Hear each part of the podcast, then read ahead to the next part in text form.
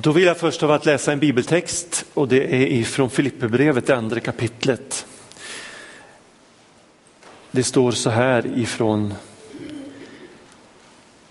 slutet på den andra versen och några verser framåt. Lev i samma kärlek, eniga i tanke och sinnelag, fria från självhävdelse och fåfänga. Var ödmjuka och sätt andra högre än er själva. Tänk inte bara på ert eget bästa utan också på andras. Låt det sinnelag råda hos er som också fanns hos Kristus Jesus. Han ägde Guds gestalt men vakade inte över sin jämlikhet med Gud utan avstod från allt och antog en tjänares gestalt då han blev som en av oss. När han till det yttre hade blivit människa gjorde han sig ödmjuk och var lydig ända till döden, döden på ett kors.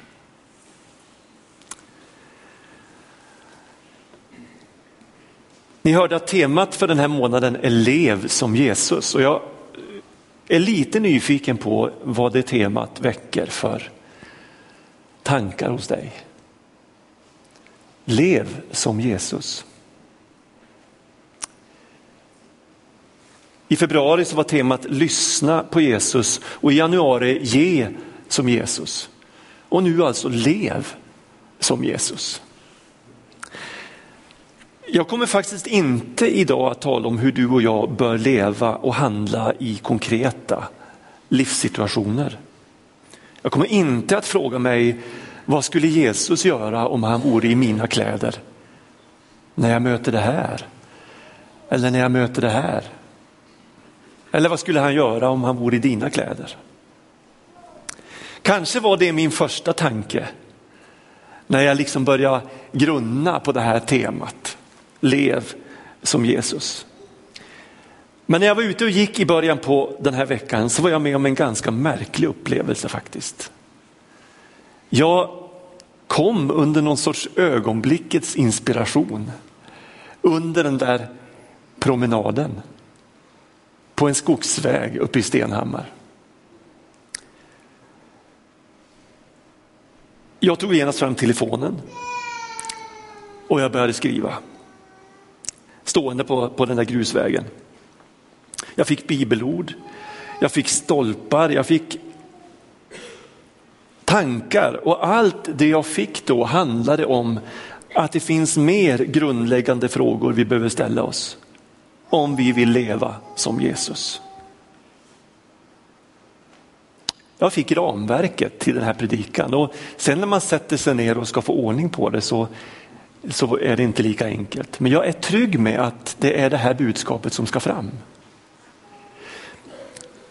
Mera grundläggande frågor än vad skulle Jesus göra just nu? Frågor som handlar om drivkraft och mål.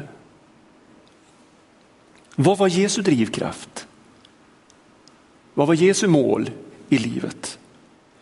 Jesus säger själv i Johannes 3 och 16 när han sitter och samtalar med Nikodemus att det var kärleken som var drivkraften i hans liv. Så älskade Gud världen att han sände sin enfödde son. Det var av kärlek Jesus kom. Det var kärleken som var drivkraften. Det var kärleken som fick honom att avstå allt. Och det var korset som var målet för hans jordeliv. För genom korset räddar han världen. Genom korset gör han det möjligt för varje människa att bli räddad. Kärleken är drivkraften, korset är målet. Vad är din drivkraft? Och vad är ditt mål med ditt liv? Vill du leva som Jesus? Lyssna på vad Jesus säger i Johannes 15, den tolfte versen. Älska varandra som jag har älskat er. Ingen har större kärlek än den som ger sitt liv för sina vänner. Ni är mina vänner om ni lever som jag har lärt er. Jag har utvalt er och jag har bestämt er till att gå ut i världen och bära frukt frukt som består.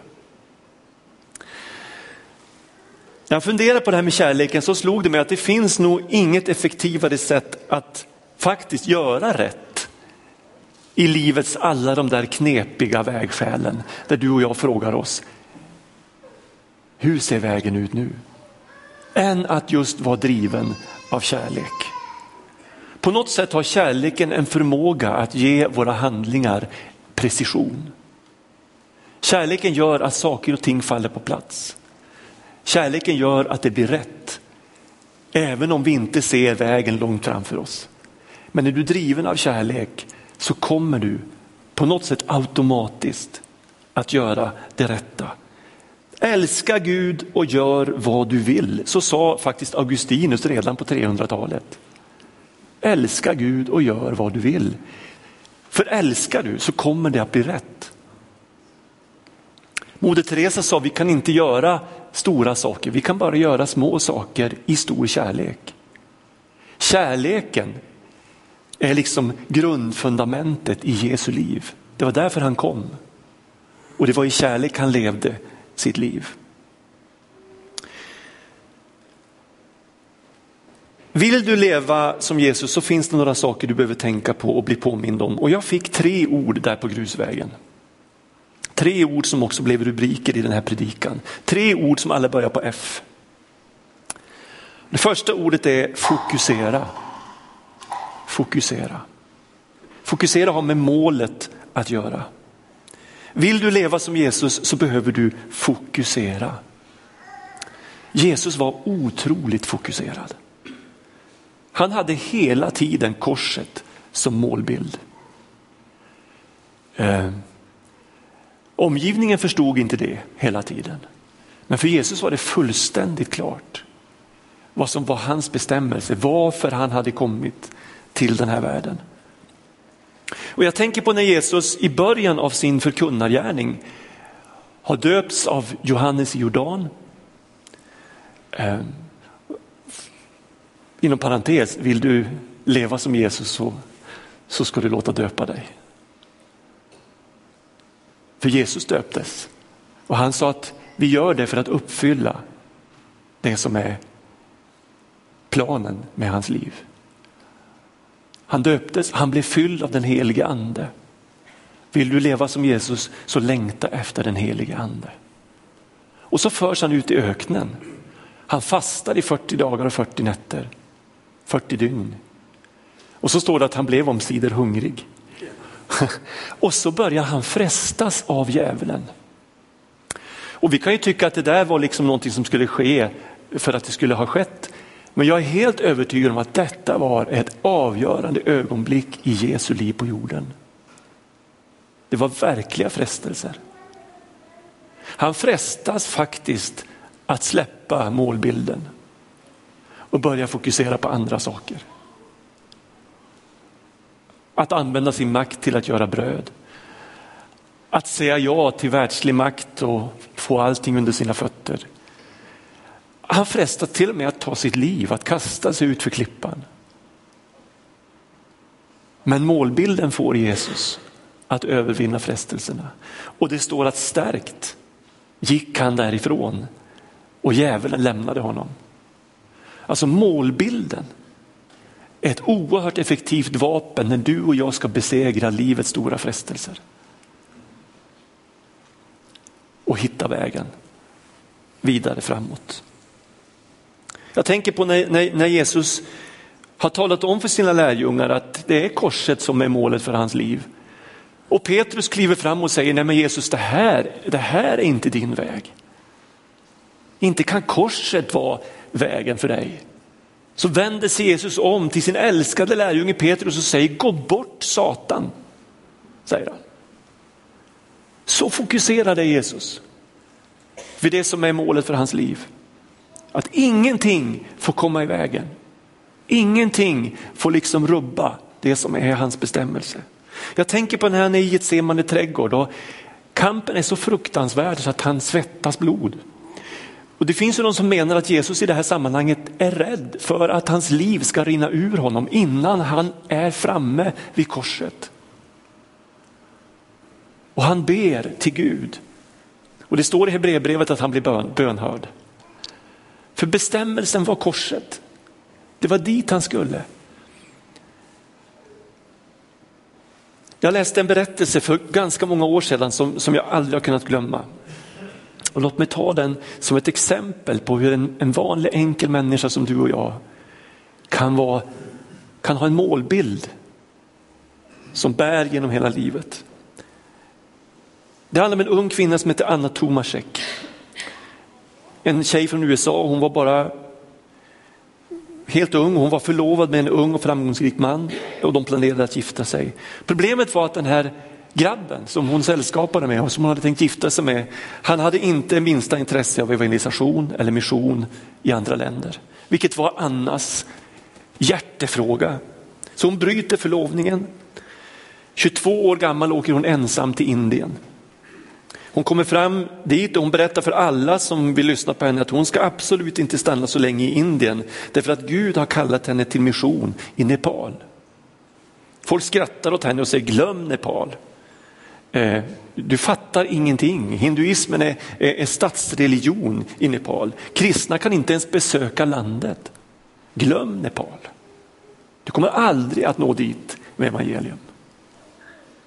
Hon skaffar en karta över järnvägsnätet i gränsområdet, väljer ut en by som ligger så nära gränsen till Nepal som det bara går. Byn heter Rapadia. Hon köper en enkel biljett till byn och när hon kommer fram så hyr hon ett hus som ligger så nära gränsen som möjligt. Hon stannar i fem år, hon lär sig hindi, hon stannar fem år till, hon lär sig nepalesiska, hon stannar 15 år. Hon börjar översätta traktater och delar av evangelierna till dessa språk. Och folk från Nepal kommer över gränsen till byns marknad. Handlar av Anna och hon delar ut traktater, hon talar med dem om Jesus på deras eget språk. Tiden går, 20 år, 30 år. Hon startar ett barnhem. Eh, på den tiden hände det att barn som var födda av fattiga föräldrar lades ut i naturen och övergavs. Men de fick höra talas om Anna som tog hand om dessa barn. Till slut hade hon en stor familj av barn som hon fostrade och som hon berättade eh, om Jesus för. Hon älskade dem som en mor. Hon uppfostrade dem, hon gav dem mat, hon gav dem kläder, hon gav dem skolgång. Hon vann dem för Jesus. När hon hade varit där i 30 år fanns det flera av de här barnen som, som hon hade tagit hand om och fostrat som arbetade bland gränspolisen. Eh, och hon var deras mor, så hon kunde gå över gränsen hur mycket hon ville. De till och med eskorterade henne över gränsen till Nepal. Och hon bildade ett pärlband av församlingar i södra Nepal, i byarna i närheten av gränsen till Indien. I slutet på 90-talet så hade man en stor nationell kristen konferens i Nepal där över 2000 pastorer från Nepal deltog som en frukt av Anna Tomaseks arbete. Hon stannade i över 50 år. Buren av en vision. En målbild. Så vill du göra som Jesus så är det viktigt att du har ett mål. Att du är fokuserad. Det andra ordet som kom till mig, det var ordet försaka. Försaka har med prioriteringar att göra. Och i texten som vi läste i början så stod det att Jesus avstod från allt för att bli människa. För att kunna nå målet att rädda världen för Gud. Han avstod från allt. Därför att kärleken var drivkraften, därför att korset var målet. Till Pilatus säger Jesus, jag har fötts och kommit hit till världen för en enda sak. En enda sak. Någon har sagt så här, finn din spik och slå på den. Och vilket viktigt budskap det är till vår tid som är så splittrad. Där vi ska hinna med allt. Vi är så kluvna inför allt möjligt. Våra liv spretar åt alla håll. Vill du, vill du leva som Jesus så är det viktigt att försaka. Att lära sig att avstå är en av livets allra viktigaste lärdomar. Varför? Jo, därför att när vi gapar efter mycket så mister vi ofta hela stycket. Det står inte i Bibeln, men det borde stå där. För det är så sant. Den som gapar efter mycket mister ofta allt. Allt smakar bättre när du har lärt dig att avstå. Allt blir roligare när du har lärt dig att avstå. Det gränslösa och det måttlösa ger snabbt en väldigt dålig och unken smak i en människas liv. Det handlar inte om att avstå ifrån eller späka sig för försakelsens egen skull. Jesus han åt, han drack, han gick på fester, han hade fina kläder. Det låg inte på det planet. Men det handlar om att prioritera för att orka hela vägen. Det handlar om att prioritera och avstå från allt som hindrar mig från att nå det allra viktigaste. Jesus säger i Matteus 13, himmelriket är som en skatt som ligger gömd i en åker. En man hittar den och gömmer den igen och i sin glädje går han och säljer allt han äger och köper den åkern. Med himmelriket är det som när en köpman söker efter fina pärlor. Om man hittar en dyrbar pärla går han och säljer allt han äger och köper den. Avstå för att vinna. Vill du göra som, leva som Jesus så behöver du lära dig att försaka. Jesus avstod allt för att nå målet, korset och rädda världen. Vad är du beredd att avstå för att orka hela vägen? Det tredje ordet jag fick det var fullborda. Fullborda har med uthållighet att göra. Det står om kärleken att den bär allt, den tror allt, den hoppas allt, den uthärdar allt. Kärleken upphör aldrig. Jesus stannade inte halvvägs och sa nej, nu orkar jag inte mer. Nu, nu återvänder jag till Fadern. Det här blev för mycket. Och det är jag honom evigt tacksam för. Jag vill älska det urgamla kors. Hade inte Jesus fullbordat så hade du och jag varit evigt förlorade. Vill du leva och göra som Jesus så behöver du uthållighet för att kunna fullborda. Paulus säger i andra Timoteusbrevet 4, jag har kämpat den goda kampen, jag har fullbordat loppet, jag har bevarat tron.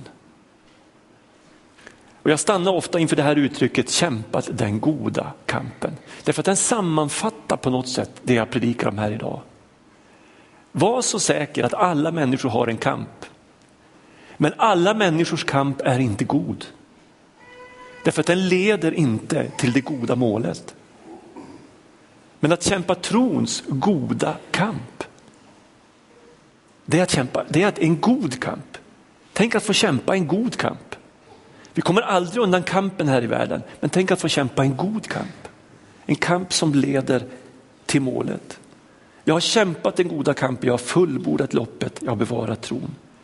Hebreerbrevets författare säger så här, när vi nu är omgivna av en sådan sky av vittnen, låt oss då befria oss från allt som tynger, all synd som ansätter oss och hålla ut i det lopp vi har framför oss. Låt oss ha blicken fäst vid Jesus, trons upphovsman och fullkomnare. Tänk på honom så att ni inte tröttnar och förlorar modet. Och på något sätt ser jag för min inre syn eh,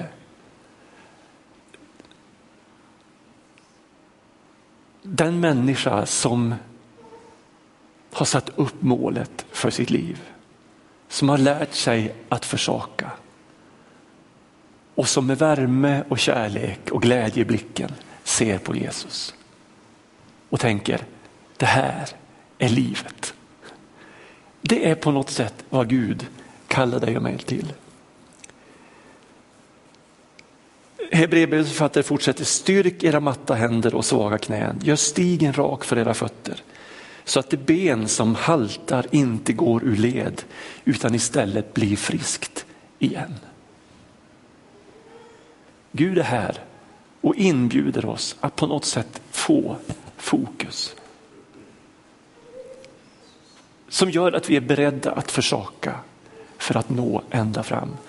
Eh, låt mig avsluta med eh, skid-VM. Jag spelar in alla lopp, jag tittar med stor behållning på dem så fort jag får möjlighet och jag ska sätta mig ner och se fem milen i eftermiddag. Och jag vet att min puls kommer att stiga väldigt, väldigt mycket. Jag älskar att se på skidor. Det är fantastiskt. Vi har fått se både Johan Olsson och Charlotte Kalla ta guld på bragdartade sätt. Hela svenska folket gläds och beundrar dem. Oerhört imponerande, oerhört inspirerande. Vi har hört intervjuerna med dem efteråt och vi kan ana vilket fokus de har haft på just de lopp som de har vunnit. Lång tid tillbaks så har det varit deras målbild. Vi förstår hur otroligt mycket de har försakat på vägen mot det här målet för att kunna nå till seger. Och vi har sett dem ge allt för att vinna. Johan Olsson han sa efter eh, sitt guld att han nog aldrig har varit så trött som efter den segern. Men, säger han, det var precis det jag var inställd på när jag startade. Jag skulle inte spara mig någonstans.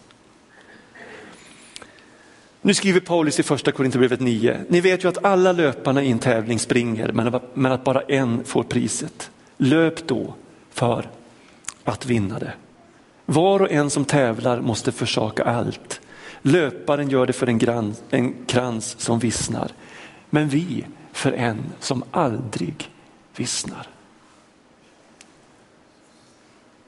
Vill du leva som Jesus? Be Gud lägga ner målbilden i ditt hjärta och var rädd om den. Prioritera för att nå det målet och ge aldrig upp. Amen. Tack Jesus Kristus att vi får vila i att vi inte står där vid frontlinjen ensamma och övergivna. Utan du är med oss. Herre, du har sagt att du ska vara med oss alla dagar. Och jag ber att du ska påminna oss om det. Både de dagar när allting går lätt och när vi tycker att vi har ett fantastiskt flyt. Men också de dagar när det är motigt och när det är tufft. Och när vi tycker att det är besvärligt. Du är med oss alla dagar. Och du har gett oss hjälparen, den helige ande. För att vi ska orka. Du har, du har gett oss rustningen som vi kan sätta på oss varje dag så att vi kan stå emot den ondes brinnande pilar. Tack att du har gett oss allt det vi behöver. Hjälp oss att inte söka i någon annan källa än i din. Hjälp oss Gud att, att fokusera, hjälp oss att försaka, hjälp oss att fullborda. I din kraft, i ditt namn. Amen.